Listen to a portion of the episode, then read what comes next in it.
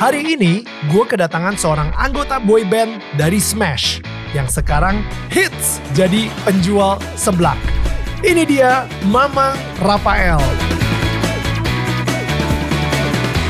Setelah terakhir kita bertemu dua tahun yang lalu, Rafael akan bercerita tentang perjalanannya di mana dia harus berserah, menyerahkan impiannya di dunia entertainment kepada Tuhan. Dan ketika dia harus gagal menikah setelah bertunangan dengan seseorang, sampai akhirnya dia viral dengan seblaknya. Oh ya, nanti kita akan masak seblak juga loh. Lengkap dengan resep baru versi Daniel tetangga kamu. Inilah dia kisah tetangga kita.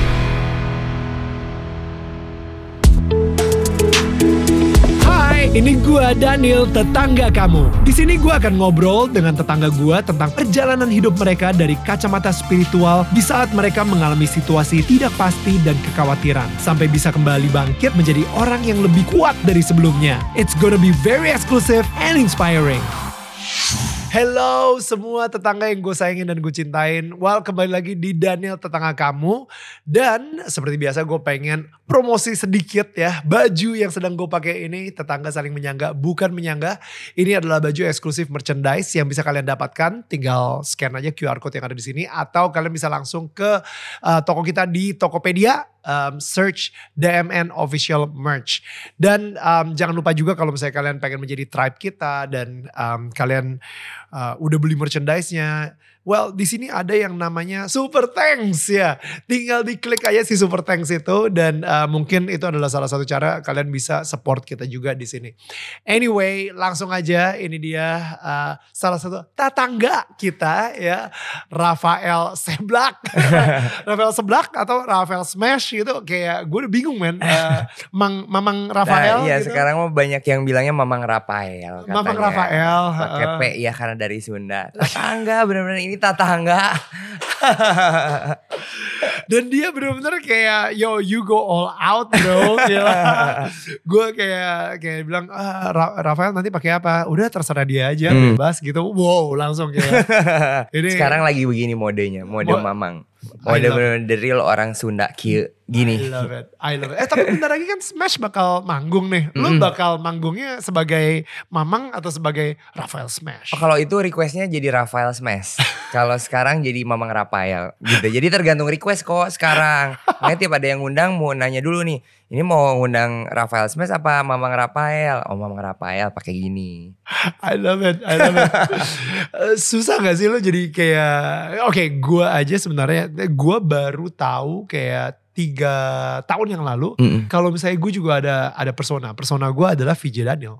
Ah, iya, iya. VJ Daniel itu adalah sebuah persona yang gue ciptakan eh, pas zaman MTV, Mm-mm. dan Daniel Mananta itu adalah eh, ya yang benernya gitu. Daniel tetangga kamu ini Iya. sebenarnya persona yang mungkin lebih dekat ke Daniel Mananta daripada VJ Daniel.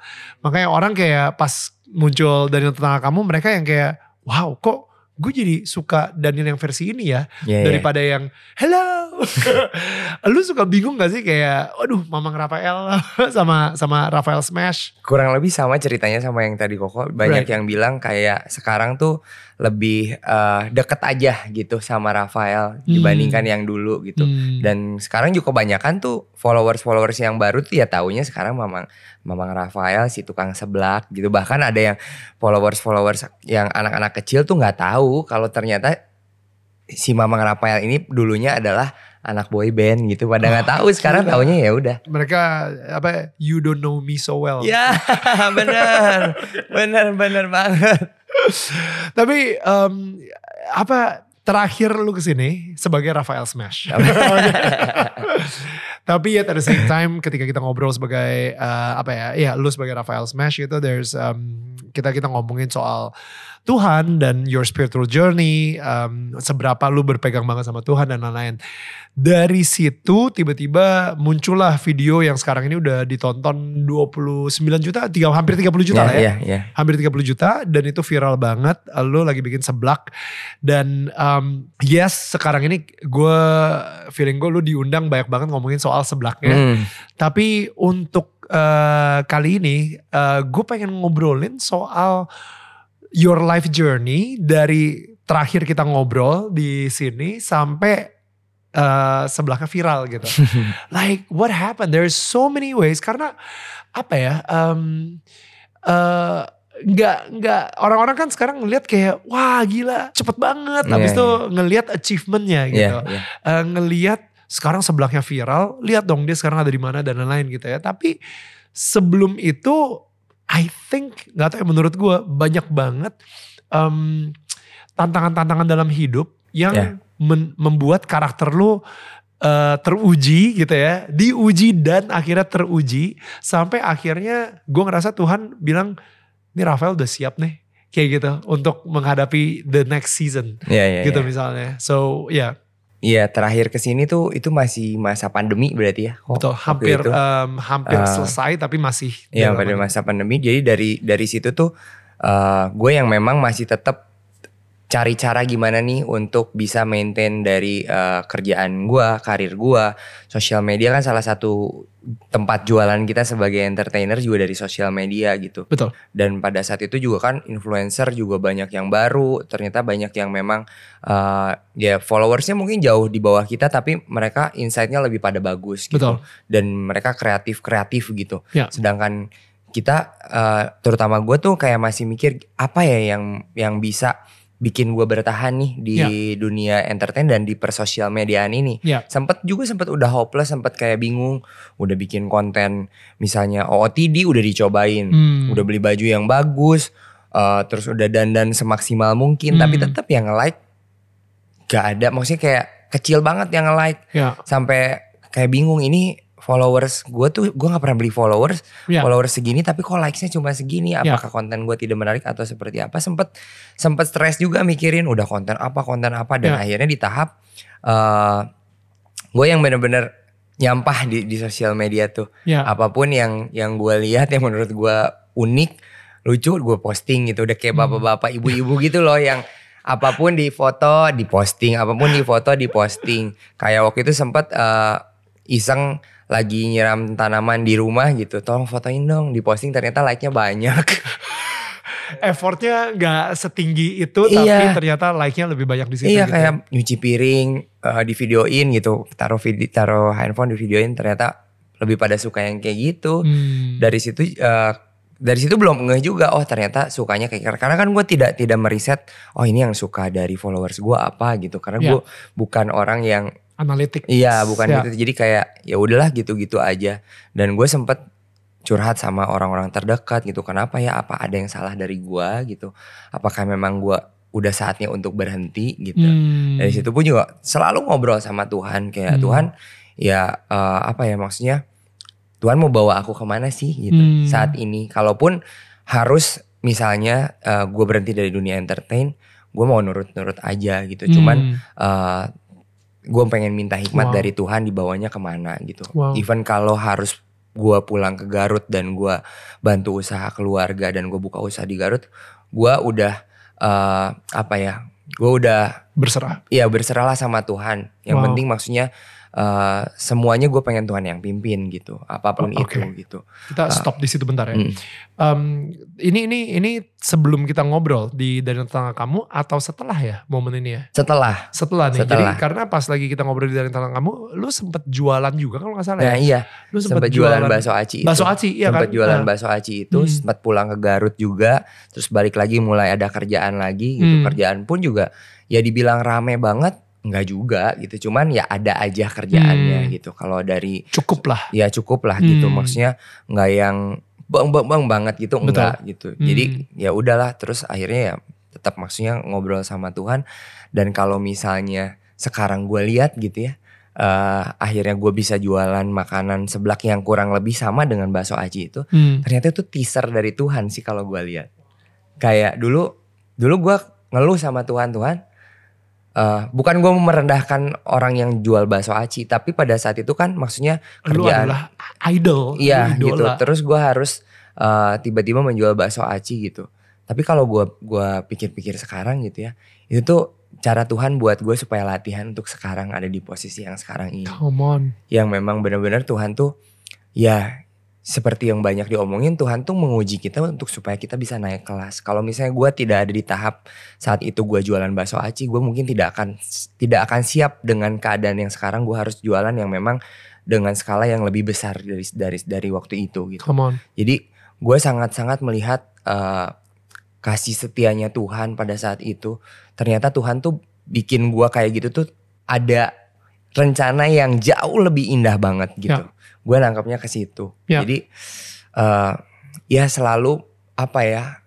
Gue tuh dikasih surprise-surprise yang luar biasa lah sama Tuhan. Kadang gue juga suka bilang sama Tuhan, kok gini sih Tuhan gitu. Kok gitu sih Tuhan.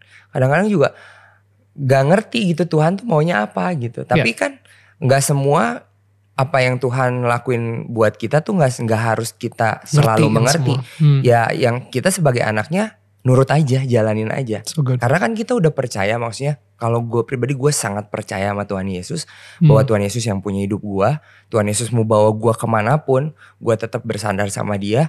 Kayak ya udah Tuhan, Hmm. gue mau nurut-nurut aja. Hmm. Meskipun kayak kemarin gue harus jualan bakso aci, nggak cuma buat nutupin apa kebutuhan sehari-hari pun Hmm. juga toh gue nggak dibiarin sampai jatuh banget gitu maksudnya Hmm. kayak ya dibilang nggak punya uang ya tapi nggak sampai nggak punya uang sama sekali nggak sampai teman-teman atau enggak saudara-saudara keluarga-keluarga yang, meninggalkan gue gitu aja Ya. gitu karena Tuhan menempat pasti tuh Tuhan menempatkan orang-orang yang pasti udah Tuhan utus untuk hidup kita gitu gitu sih Dan sekarang ini em, di seb- maksudnya lu jualan seblak gitu. Maksud gue kayak dari bakso aci em, yang tadi lu bilang ya teaser, sekarang seblak tapi eh, kayak kayak ya tetap keren-keren aja tuh gitu kan. ya kan kayak kayak keren-keren aja dan malah influence-nya pun jauh lebih besar sekarang. You have you have um, ya a different a different uh, identity Hmm. um, well bukan sorry identitas sih tetap sama ya tetap sebagai anak Tuhan gitu anak Tuhan Oke. yang disayang anak Tuhan yang diciptakan uh, sempurna sesuai dengan apa yang Tuhan mau dan Tuhan inginkan tapi um, ya job desk-nya aja mungkin berubah gitu. Uh, tapi kan kadang-kadang gitu ya kita kita mikir sebenarnya purpose gua itu apa sih? Apakah sebagai seorang entertainer, apakah seorang penjual seblak gitu maksudnya atau uh, sebagai uh, you know boy band? Like menurut lu sendiri purpose hidup lu itu apa? Jujur kalau ditanya purpose juga gue kadang-kadang suka bingung gitu karena apa yang gue pikirin tapi terkejadiannya nggak seperti itu gitu. Hmm, Jadi eh, setiap setiap gue ditanya purpose lu apa, ya gue masih tetap suka ngobrol gitu sama Tuhan. Yang penting eh, itu dia gue selalu pasti bilang setiap doa gue gitu, Tuhan Tuhan mau mau nempatin masa depan gue di mana gitu. Yang penting tolong jagain supaya apa yang gue ucapkan jangan nyakitin orang gitu. Wow. Apa yang gue lakukan itu bisa benar-benar memberkati orang gitu hmm, uh, gue dikelilingi dengan orang-orang yang benar-benar Tuhan tempatkan buat hidup gue gitu. Gue selalu bilang Tuhan, ya mungkin gue nggak punya apa-apa gitu, tapi gimana ya caranya supaya gue bisa jadi berkat buat banyak orang. Kadang-kadang gue juga suka ngerasa gini kok. Waktu itu ya misalnya gue ketemu sama orang yang memang butuh banget dibantu gitu, tapi gue nggak mampu untuk bantunya gitu. Gue kadang-kadang suka kayak Tuhan, aduh pengen banget nih ngebantu, tapi gimana ya caranya? Gue tidak ada kapasitas untuk bisa membantu orang ini. Gue hanya Ya. cuma bisa doain gitu hmm. dan lewat lewat di di di momen yang sekarang ini gue selain dijawab sama Tuhan gue maksudnya kerjaan juga jadi lumayan gitu Ya. tapi jo, uh, doa gue yang minta sama Tuhan gue pengen jadi berkat buat banyak orang dijawab banget kok maksudnya kayak Wow. bahkan gue bisa jadi berkat buat orang-orang yang gue gak kenal sama sekali Ya. gitu lewat si seblak ini banyak banget yang berterima kasih yang tadinya tukang seblak yang udah mau tutup katanya gara-gara seblak dibumingin lagi sama Rafael Hmm, jadi rame lagi gitu. Hmm, terus dari pabrik-pabrik yang eh susah banget untuk jualan kerupuk dia cuma punya satu mesin hmm, untuk jualan kerupuk ini. Kadang sampai empat bulan aja dia satu kali adonan itu bisa nggak nggak laku. Sekarang kewalahan untuk sehari bisa tiga kali adonan. Gitu Come tuh yang on. kayak Wah, Tuhan maksudnya makasih banget gitu. Wow. maksudnya kayak gue bersyukur nama Tuhan dipermuliakan lewat momen ini. Aduh jadi sedih. Come on. ya, ya, ya. Karena impactnya itu bukan cuma ke lu aja, tapi Ya. ternyata the ripple effect of that justru uh, orang-orang lain jadi ikutan terberkati juga gitu. Ya. Jadi buah-buahnya jelas banget gitu Iya, kan. iya, iya. And and itu mungkin cara Tuhan selalu bekerja kali ya. betul betul Kayak nggak nggak nggak bisa kita bayangin, nggak bisa kita pikirin, tapi kita mikirnya ya udahlah satu banding satu lah ya. tapi ternyata ini satu banding dua ribu, yang Iya. kayak jebret semuanya kena gitu. Iya iya, udah banyak banget lah momen-momen yang Hmm. Tuhan kasih yang seperti itu gitu Hmm. dalam hidup dalam hidup gue kayak, hmm, ya pokoknya Tuhan baik banget lah kok, baik banget kayak eh gue min gua minta satu Tuhan kasih 10 itu tuh Hmm. udah banyak banget kejadian kayak gitu karena ya jujur gue sebagai sebagai manusia sebagai anaknya Tuhan bukan anak terbaik dari antara anak-anaknya dia gitu. Hmm. Tapi kan balik lagi kayak bahwa ada kayak perumpamaan misalnya eh, nanti gue udah punya anak gitu, anak gue punya salah misalnya eh, mecahin gelas gitu. Ya.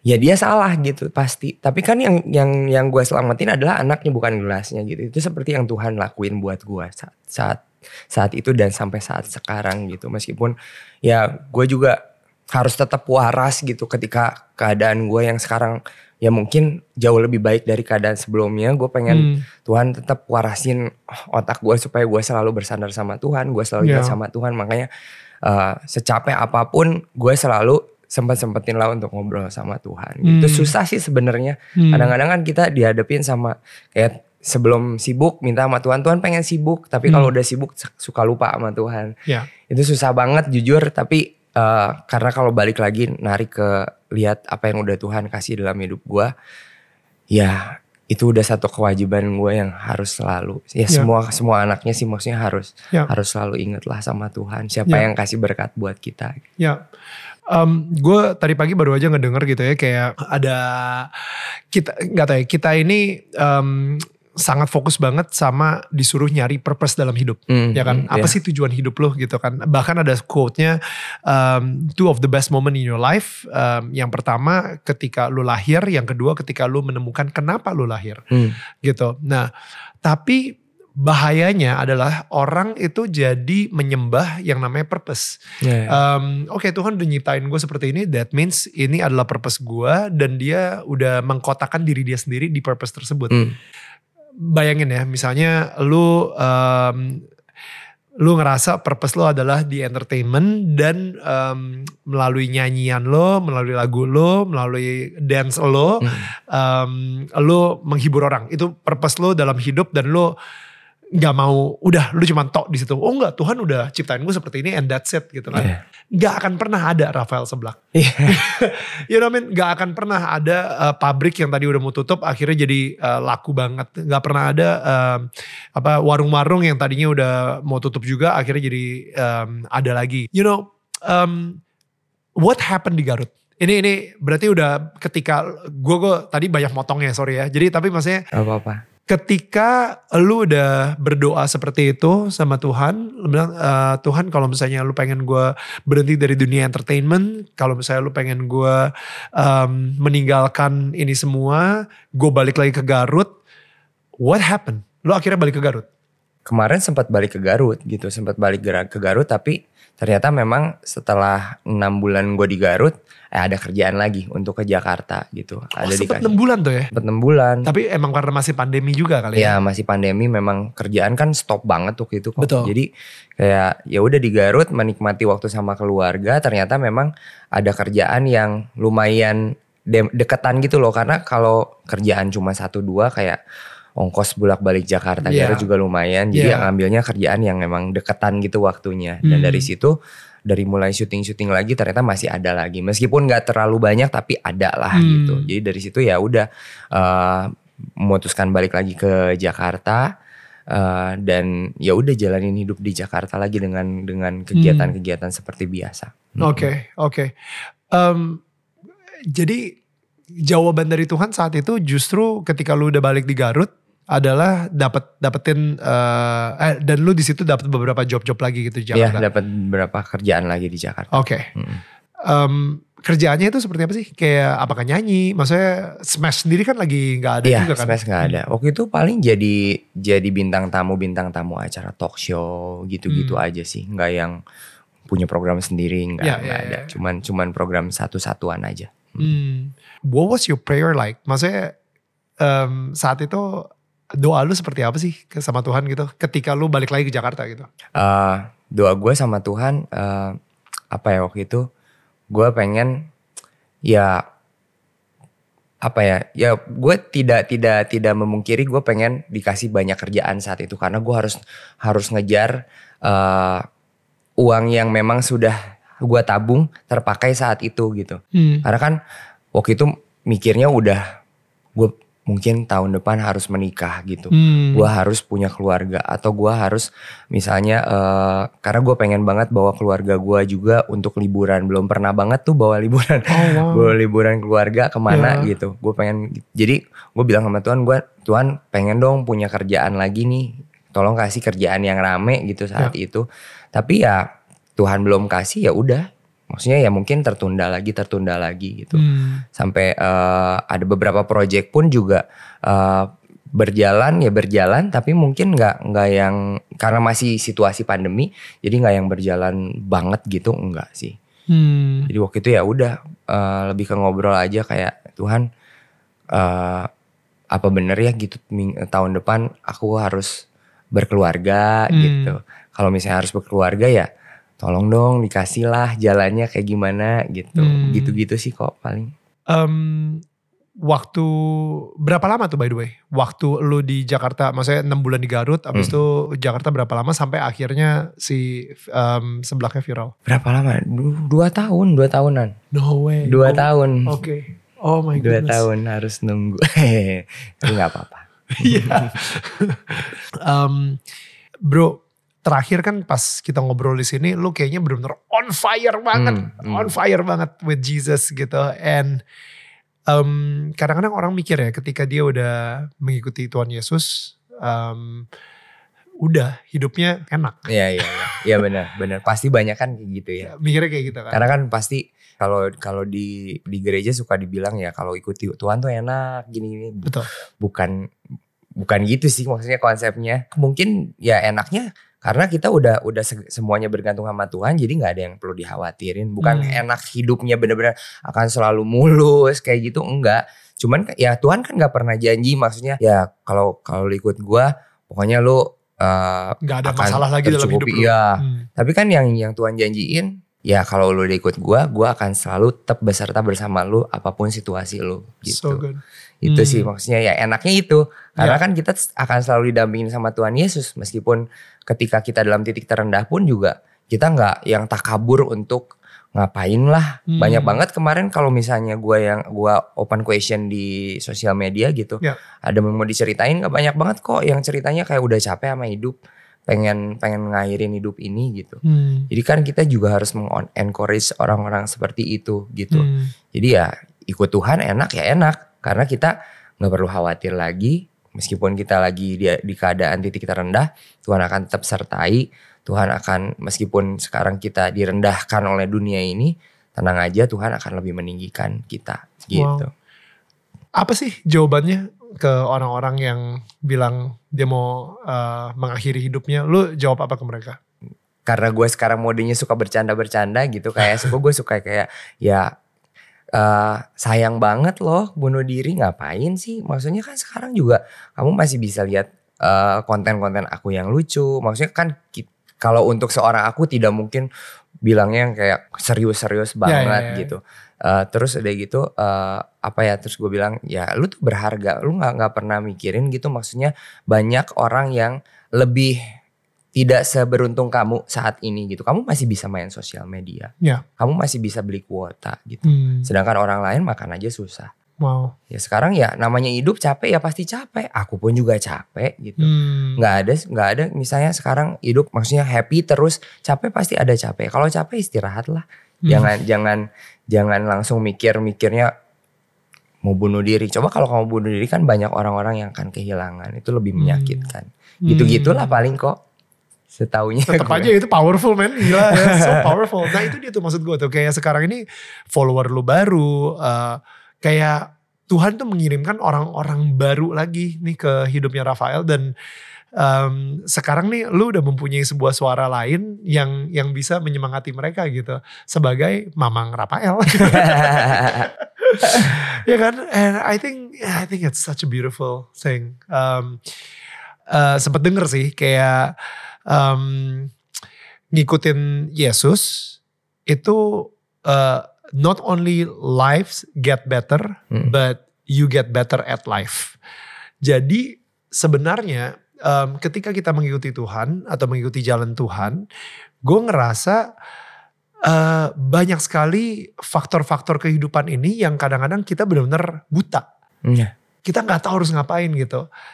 Tapi dengan adanya Tuhan di hati kita, dengan adanya kita berkomunikasi terus sama Tuhan, em, kita dipimpin oleh Roh Kudus untuk Hmm. mengambil keputusan-keputusan yang benar Iya. dalam menghadapi kehidupan ini gitu. Hmm. Jadi yes bener banget kata Rafael di mana kita eh, nggak akan terhindarkan dari yang namanya masalah, Betul. tapi sekarang ketika ada Tuhan Yesus, em, ketika masalah itu hadir, yang kita percaya dan kita tahu banget, Tuhan Yesus gak akan meninggalkan kita. Dia Iya. akan bersama-sama kita untuk melewati masalah itu. Betul. And that's why life gets better. Iya, Karena iya. kita tahu kita gak harus ngadepin ini sendirian gitu. benar. Kayak benar. dulu ketika kita belum kenal sama Yesus. beda gitu. responnya ya kok Hmm. pastinya. Makanya ya, ya enak ya enak karena kita bisa meresponnya dengan baik gitu. Hmm, Kita masih bisa tetap eh, menjalani hidup dengan eh, santai meskipun lagi dalam masalah gitu. Karena Ya. kan kita udah punya yang punyanya hidup kita gitu. Kita udah ya, udah punya udah tahu lah maksudnya Tuhan Yesus tuh udah udah ngerti banget kitanya tuh seperti apa dan dia akan bikin apa di kita gitu. Jadi Betul. makanya gua mah sekarang mau apa pun nurut lah Tuhan ayo gitu nurut aja gitu. ya, ya, ya, ya. Dan gini ya, uh, again menarik banget ketika Rafael tadi sempat bilang bahwa uh, ada satu momen di mana lu memberikan atau berserah semuanya karena uh, mungkin ya buat tetangga kita yang lagi dengerin gitu ya, uh, kita kita kadang-kadang suka nyanyi gitu, iya Tuhan, aku akan menyerahkan semua, I surrender all, gue berserah. uh, hidup gue berserah uh, untuk engkau ya Tuhan segala gitu ya. Tapi how much of that is true? You know, um, mungkin ketika kita punya masalah, yes kita akan menyerahkan masalah kita ke Tuhan, udah pasti. Tapi ketika um, you know kita ngomongin soal uang, ketika kita ngomongin soal karir, uh, masa depan, uh, cita-cita kita, anak, istri, pernikahan, jodoh, um, apakah kita benar-benar 100% menyerahkan itu semua ke Tuhan? Atau Tuhan Tuhan em, soal jodoh nih Tuhan ya tipe gue kayak gini nih Tuhan jadi oke gue yes gue akan berserah sama Tuhan. Iya iya tapi kalau bisa tipenya yang kayak gini dong Tuhan Ada tawar menawar ada lagi. tahu, ada negosiasi ya Iya. gitu. Dan, dan dan maksudnya hati lo akhirnya eh, nggak se- nggak percaya sepenuhnya. Padahal gue percaya banget kalau misalnya Tuhan itu nggak akan pertama mempermalukan anaknya. Yang kedua dia juga nggak akan pernah eh, memberikan sesuatu yang kita nggak mau Iya, gitu iya. um, he will give what your heart desires gitu Iya, kan. Um, karena ketika ketika hati lu udah align sama Tuhan, I think um, Tuhan Tuhan akan ya kayak kayak anak gue minta mainan gitu ya. gue tahu dia lagi suka banget sama um, kayak mobil-mobilan deh misalnya kayak gitu. Dia suka banget sama mobil-mobilan. Pas di ulang tahun masa gue kasih boneka? yang, yang enggak dong. Gue Iya, kasih mobil-mobilan karena gue tahu ini akan menyenangkan hati dia gitu. Jadi I think ya Tuhan seperti itu juga. Iya. Ya gak sih? Ya setuju setuju banget. Waktu lu berserah, ceritain dong. Gue lebih pengen go deeper into that gitu. Waktu Ah. lu berserah, ternyata dua tahun pakai gagal nikah segala lagi. Jadi maksudnya kayak what what what happened uh, pas dua tahun itu gitu. Ketika lu berserah. Ya makanya ketika kan pas 2 tahun perjalanan ini eh gue udah merancang ini nanti akan menikah tanggal eh, di tahun segini terus gue mungkin akan ini akan itu gue pengen ini pengen itu tapi ketika memang Tuhan gak kasih di situ ya gimana caranya supaya kita yang tetap ingat lagi gitu Eh udah tenang aja gitu Rafael tenang aja, gue punya sesuatu buat lu. Hmm. Jadi lu eh, nurut aja sama gua gitu. Hmm, Makanya ya, sebenarnya susah kok untuk untuk ke situ. Kadang-kadang gue suka mikir kayak ya nurut sih tapi Tuhan boleh nggak gitu kasih ya kayak tadi negotiable gitu kayak hmm, boleh nggak? Kan gue pengennya kayak gini. Terus nanti eh, kayak sekarang masalah pasangan hidup gitu. Hmm. udah didesak banget sama keluarga gitu. Mau ngomong apa lagi nih? Gitu mau Hmm, ngomong ini hmm. lagi. Tapi kalau misalnya memang ternyata memang dari guanya belum siap dan Tuhan juga belum kasih ya kayak kayak sekarang gue dari dulu pas yang dua tahun itu gue minta kerjaan gue Ya. pengen minta sibuk gitu tapi kalau misalnya mungkin gue belum siap saat itu mungkin akan akan terjadi apa gitu tapi tapi kejadiannya di sekarang ya udah makanya kayak berserah sama Tuhan eh gue kayak apa ya eh gak pernah gak pernah meragukan lah maksudnya apa yang yang sudah dia tetapkan dalam hidup gue gitu hmm. yang penting eh dalam keadaan apa pun kayak sekarang pun juga gue tetap yang harus bener-bener mikir kayak aduh ini dalam dalam sit- situasi yang kayak gini kan kadang-kadang biasa orang kalau kalau kalau lagi happy Ya. lagi udah dikasih jawaban sama Tuhan malah kita jadi berkurang gitu Hmm. komunikasinya sama Tuhan memang ada sih di situnya ada pasti ada berkurangnya cuman gimana caranya lagi ya untungnya ada orang-orang di sekitar kita yang memang Tuhan tempatin untuk mengingatkan gitu Hmm. itu ca- itu eh, apa ya fungsinya kita selalu ngobrol sama Tuhan gitu kadang-kadang Hmm. juga ketika lagi sibuk tapi Tuhan tetap bekerja gitu ketika Hmm. ketika kita yang memang lagi sibuk ya mungkin ada orang di sekitar kita yang bisa ngingetin kita gitu Hmm, sih Hmm. Em, lo sering banget ngomong kalau misalnya Tuhan bilang ke lo sesuatu gitu ya. Em, gimana sih cara ngedengerin Tuhan versi Rafael? eh kadang-kadang tuh eh, kadang-kadang gue tuh bisa denger audible juga No. gitu kadang-kadang ya kok kadang-kadang gitu Wow. pas udah udah ngedengar maksudnya udah udah ikut Tuhan gitu kayak kadang-kadang misalnya Sejak sejak sejak ngikut Tuhan di tiga tahun yang lalu itu. iya sejak ikut Tuhan kayaknya waktu pas lagi di sini juga udah cerita ya udah cerita juga ya Hmm. kayak eh gue tipikal orang yang gengsi banget kok Hmm. Untuk kayak sekedar minta maaf gitu Ya. kalau kalau misalnya gua yang salah gitu ternyata gua lupa tetap aja nyecer bahwa dia yang salah ya tetap aja gitu Ya. tapi pada saat itu tuh kayak eh, kalau misalnya gua buat salah apalagi sampai bentak orang gitu Hmm. tiba-tiba ada yang ngomong aja kayak minta maaf kali gitu Oh, wow. susah banget kok Wow. Eh, tapi di maksudnya ada yang ngomong tapi di dalam hati kayak gini nggak bisa itu Hmm. bukan gua banget gitu Hmm. tapi ya itu dia makanya eh, sikap respon dari hati kitanya harus kayak gimana gitu. Akhirnya eh, Roh Kudus lebih keras lagi bilang minta maaf aja, nggak apa-apa. Minta maaf, akhirnya maksudnya waktu itu langsung kayak maaf ya, itu ke dia, maaf ya kak gitu. Sampai Hmm. dia aja kayak nggak nyangka gitu kayak Hmm. Seorang Rafael minta maaf gitu. Hmm, Maksudnya hmm. langsung minta maaf gitu. Hmm. Ada biasanya kalau misalnya ada kayak gitu tuh udah harus merepet merepet merepet dulu, Hmm. baru ujung-ujung minta maaf. Kayak itu saat itu Hmm. karena gue kedengar banget kayak minta maaf gitu dari dari semenjak itu eh apa ya nggak tahu mungkin kayak terlatih gitu kok kayak misalnya Hmm. lihat lihat eh ada orang lagi sapu-sapu di jalan gitu tiba-tiba ada yang ngomong kasih uang seratus ribu gitu kayak ini ini ini kayak cerita-cerita orang tuh Ya. ternyata gue alamin. Kan kan gue kadang-kadang kayaknya bohong nggak mungkin tiba-tiba ada yang ngomong kasih uang seratus ribu tapi itu gue dengerin kasih uang seratus ribu. Tapi kadang gue suka gini lima puluh ribu aja kali. Nego. iya kan? Lima puluh ribu aja. Padahal kan suara Tuhan kayaknya pasti yang pertama kali seratus Iya. ribu. Dari situ gue kayak kasih uang seratus ribu ke mana cari aja kasih aja seratus ribu ya. siapa tahu kan dia mungkin Lagi butuh, banget. Dan gitu. dia doa sama Tuhan untuk seratus ribu demi obat anaknya misalnya seperti iya itu. mungkin kayak gitu itu sering terjadi maksudnya Wow. ya makanya nggak tahu tiba tapi kadang kalau misalnya ngelihat ada pengemis apa nggak ada itu gitu Ya, iya, iya, iya, iya. tapi iya, kan iya. kalau misalnya pas lagi ada kayak kasih uang Hmm. Be- malah ada nominalnya lagi kasih uang segini gitu Ya, ya udah obey aja ya, ya, Nurut ya, ya. aja, gitu. Eh, nurut aja gitu ya. Tuhan bisikin secara audible nggak? Buat seblak.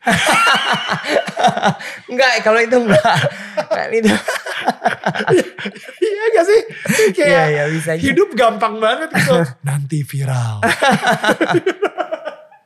Kalau itu enggak. Banget kalau kayak gitu. Iya kalau kayak gitu enak banget. Malah kan kita suka kayak Tuhan kasih tanda dong gitu Iya. ya. Tuhan kasih tanda dong. Kalau ini enggak sih yang yang case sebelah ini enggak. Itu benar-benar unsur ketidaksengajaan aja. Tapi mungkin memang udah jalannya Tuhan gitu waktu itu pun Hmm. juga kenapa tiba-tiba si sebelah ini muncul ceritanya. Kan memang waktu itu lagi pulang ke Garut. Hmm. Lagi pulang ke Garut biasa malam-malam lapar gitu Iya. nyuruh adek pesen makanan yang 24 jam waktu itu Hmm. cemilan-cemilan gitu. Udah Hmm. di apa udah di teks orangnya nggak dibalas-balas sejam. Akhirnya gue minta coba dong bikinin apa kek yang ada di sini? Ada bakso aci katanya gitu. Hmm. bakso aci terus pas bikin bakso aci adek gue nyamperin lagi ini ada kerupuk ini mau nggak dibikin seblak? Terus gue Hmm. gini seblak. Seblak kayak gimana? Maksudnya ah nggak tahu si kakak seblak. Ini seblak pokoknya dede bikin enak. Kemarin juga teman-teman dede pada suka. Masa sih? Gitu kayak udah aja cuma ada 10 biji kok kerupuknya sisa Oke. dia ngegoreng gitu. Oke. Ya udah dibikin pas dibikin kayak lo kok lucu banget itu manasin minyak ini ngerebus ah, ngerebus Iya. kerupuknya. Itu digimanain sih? Bentar-bentar mau di videoin bapak-bapaknya keluar lagi nih. Di videoin aja oh ini caranya gini caranya gini gini. Terus pas lagi makan di review Iya. ya udah karena masih iseng nyampah di sosial media di post aja tiba-tiba besoknya udah satu juta lebih yang nge-view.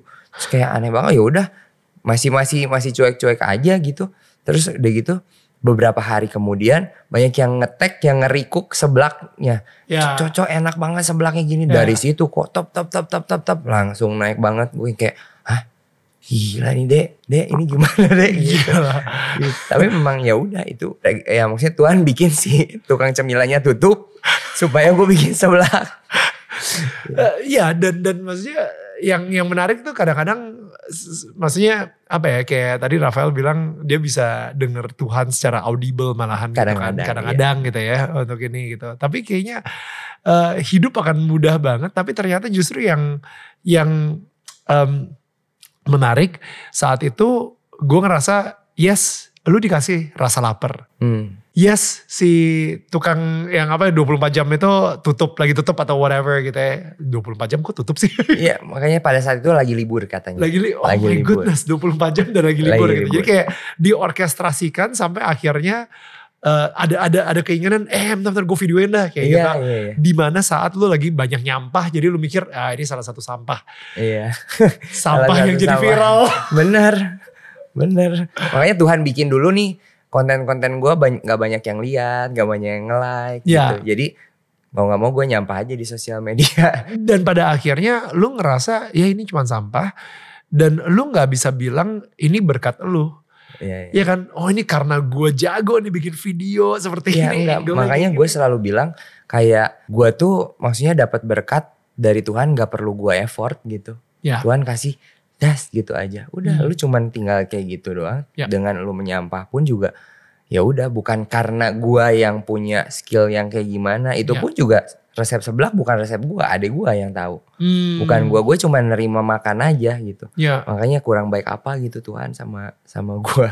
and and you're at rest dan itu sih yang penting sih. Lu lagi um, you know satu kata yang sekarang ini gue lagi pelajarin banget yaitu rest.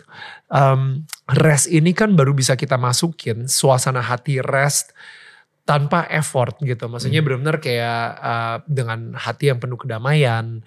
Uh, abis itu juga hati yang penuh perasaan kayak lu lagi dicinta, hati yang penuh dengan sukacita. Jadi akhirnya when you're at that rest, lu nggak banyak effort dan lu ngelakuin apa pun, lu sukacita, lu sambil seneng gitu. Tapi eh, dan dan Tuhan juga ikutan senyum karena lu benar-benar dalam sebuah kondisi yang lagi resting, connect banget sama Tuhan, Hmm. and that's when miracles can happen gitu. Hmm. Tapi karena apa? Karena you're at rest dan lu benar-benar em, minta Tuhan yang untuk bekerja gitu, Hmm. bukan bukan kita yang bekerja. Untuk masuk ke rest tersebut perlu effort, iya. you know, untuk masuk ke rest itu perlu effort. Em, tapi ketika you're at that rest, itu saat yang enak banget sih, enak banget. Yeah. Gak perlu striving, uh, you're literally at rest. Em, kenapa kita butuh effort untuk masuk ke rest? Karena sekarang ini lagi banyak banget noise, banyak Hmm. banget em, notifikasi dari handphone, um, tiba-tiba ada yang like uh, foto lu di Instagram, di TikTok lagi ada yang ngetrend atau apa pun itu di YouTube baru aja muncul berita baru dan lain-lain sehingga sampai akhirnya lu begitu lu udah mulai mau beristirahat tiba-tiba ada distraction lagi, distraction lagi, Hmm. distraction lagi. Jadi udah nggak ada lagi yang namanya that rest gitu. Ya, Um, Kita um, supaya kita nggak bisa dengar the voice of God, um, setan itu mem- memberikan noise, noise, Ya, ya. noise terus gitu. Ya, ya, You know, setuju. gimana sih cara lu akhirnya bisa fokus? Lu fokus gak sih untuk mendengarkan si suara Tuhan itu? Apalagi khususnya um, dalam urusan jodoh misalnya kayak gitu. Hmm, fokus nggak fokus maksudnya kayak gue juga masih kan masih di tahap yang kayak baru gitu kok Mhm. untuk eh, ben yang bener-bener ikut Tuhan makanya Hmm. kadang-kadang suka masih tetap bertanya-tanya ini tuh beneran Tuhan yang ngomong atau enggak ya gitu Hmm. tapi setelah gue berkomunikasi dengan kakak rohani dengan Hmm. papa rohani ikutin aja nak gitu Hmm. kayak itu eh, maksudnya ya sesuai dengan kamu nyaman nggak untuk ikutin itu Hmm. ya tapi kan balik lagi kalau misalnya sekarang kita nggak melatih untuk bisa mendengar suara Tuhan gitu ya kita pasti akan mengabaikan terus ah Hmm. enggak lah itu mungkin ah bukanlah kali bukan gitu tapi Hmm. gue maksudnya kan suara suara yang gue dengar pun itu adalah kebaikan Hmm. jadi menurut gue kayak ya ini emang suara dari Tuhan kali ya karena nggak pernah sebelum sebelumnya kok gue deng ketika gue marah-marah terus ada yang gue dengar bisikan kayak yang minta maaf. minta maaf gitu. Kan nggak pernah. Kalau misalnya eh ya dia bisikinya ayo tambah marah lagi marahin lagi. Itu kan berarti bukan suara Tuhan ya. Terus gue bilang kayak oh iya juga. Maksudnya kayak di bis- bisikannya tuh hal-hal yang baik. Kayak misalnya ngelihat yang tukang nyapu gitu buang sampahnya di situ aja tuh lemparin ke tukang sapunya itu berarti kan kayak bukan suara ini kan suaranya kasih uang seratus ribu itu hal baik Ya. oh berarti ya itu ber- berarti Suara suara, Tuhan. Tuhan, gitu Hmm. jadi eh, ya gue memberikan lu kedamaian, Iya, kebaikan. iya, iya. Dan kita juga ketika kita ikutin suara Tuhan itu, terus ngejalaninnya dengan sukacita dan damai, ternyata juga tiba-tiba begitu pas minta maaf juga itu kayak plong banget gitu, Hmm. kayak wah enak banget gitu kok Hmm. maksudnya. Hmm. Em, ini benar-benar baru terjadi setelah lu uh, menyerahkan hidup Iya. lu ke Tuhan Yesus. Iya, setelah benar-benar kayak fokus gitu, benar-benar yang sering ngobrol sama Tuhan. Ini ini menarik banget sih, uh, Rafael. Kayak karena gini ya, gue gue ngerasa kayak em, emang di Injil pun kan emang dibilang gitu Hmm. bahwa em, ketika Yesus mati di kayu salib dan habis itu dia bangkit lagi di hari ketiga, dia bilang ke muridnya bahwa saya harus pergi, Hmm. tapi saya akan memberikan kamu Roh Kudus, gitu kan? Mhm. uh, that power, Yeah. power yang tadi kita ngomongin tuh. Jadi kita udah tahu purpose hidup kita apa. Yesus akan memberikan si power, Nah. kekuatan tersebut dan powernya berupa Roh Kudus. Kudus. Di mana Roh Kudus yang akan uh, ngomong, uh, dia dia adalah dia yang bakal ngajarin lo, dia yang bakal um, lead atau memimpin hidup lo ke mana-mana gitu. Dan gue jujur baru pertama kali denger kasus di mana lo ada seseorang gitu yang setelah ngikutin Yesus akhirnya baru mulai mendengarkan suara audible yang benar-benar berlawanan banget dengan kata hati gitu ya gak sih? Hmm, Iya, iya, iya. Eh, yang harusnya lo yang kayak biasanya nih gue bakal teriak terus nih sampai nih orang baru ngerasa bersalah gitu kan. Iya, iya, iya. Tapi lu malah disuruh minta maaf dan itu benar-benar audible banget. Jadi gue benar-benar percaya sih bahwa lu ngedengar suara Roh Kudus dan itu karena kematian Yesus di kayu salib itu dan dia sekarang ada di hati lu gitu. Iya iya iya. Hmm. Karena kan eh, Roh Kudus pun juga harus di apa ya? Harus istilahnya harus dimanjain juga kok kalau misalnya kita tidak tidak ada komunikasi sama Tuhan, nggak pernah Hmm. baca firman Tuhan, Roh Kudusnya pa- paling cuma ya maksudnya diam gitu. Dia dia nggak akan ninggalin tapi dia akan diam gitu. Hmm. Kitanya maksudnya kita nyuekin dia gitu kan. Hmm. Maksudnya dia pasti akan sedih kok gitu kok. Gue dapat dapat filosofinya gitu sih kalau pas waktu dapat Hmm. firman Tuhan di gereja gitu. Makanya kita harus selalu baca firman Tuhan supaya Roh Kudusnya juga tetap aktif gitu, Hmm. tetap maksudnya kita dipimpin sama Roh Kudus kayak gitu. Makanya mungkin pada saat gua waktu itu eh, dibaptis gua lagi eh, sering banget komunikasi sama Tuhan, ya Roh Kudus itu tuh benar-benar yang lagi Hmm. jagain banget makanya sampai bisa bilang seperti itu. Kan Hmm. waktu saat itu juga gue yang kayak percaya nggak percaya gitu. Maksudnya ini karena sebelumnya tuh kalau misalnya ada yang bilang kayak iya gue tuh dengar suara Tuhan. Ya gimana caranya dengar suara Tuhan gitu? Kadang kadang-kadang pun juga gue kalau misalnya ditanya gimana cara dengar suaranya Tuhan? Ya kalau yang gue alamin sih ya gue ada mendengarkan bisikan itu ya itu gue anggap itu suara dari Tuhan gitu. Hmm. dan gue sudah sudah make sure ke yang lebih tahu lagi gitu. Karena gue punya punya bokap rohani juga gitu. Gue tanya pak ini beneran suara Tuhan tuh kayak gini? Ya ikutin aja nak. Maksudnya semua hal baik ketika kamunya menjalankannya dengan damai sejahtera ya berarti itu suara Tuhan gitu. Hmm. ya paling gitu. It's amazing. What a story.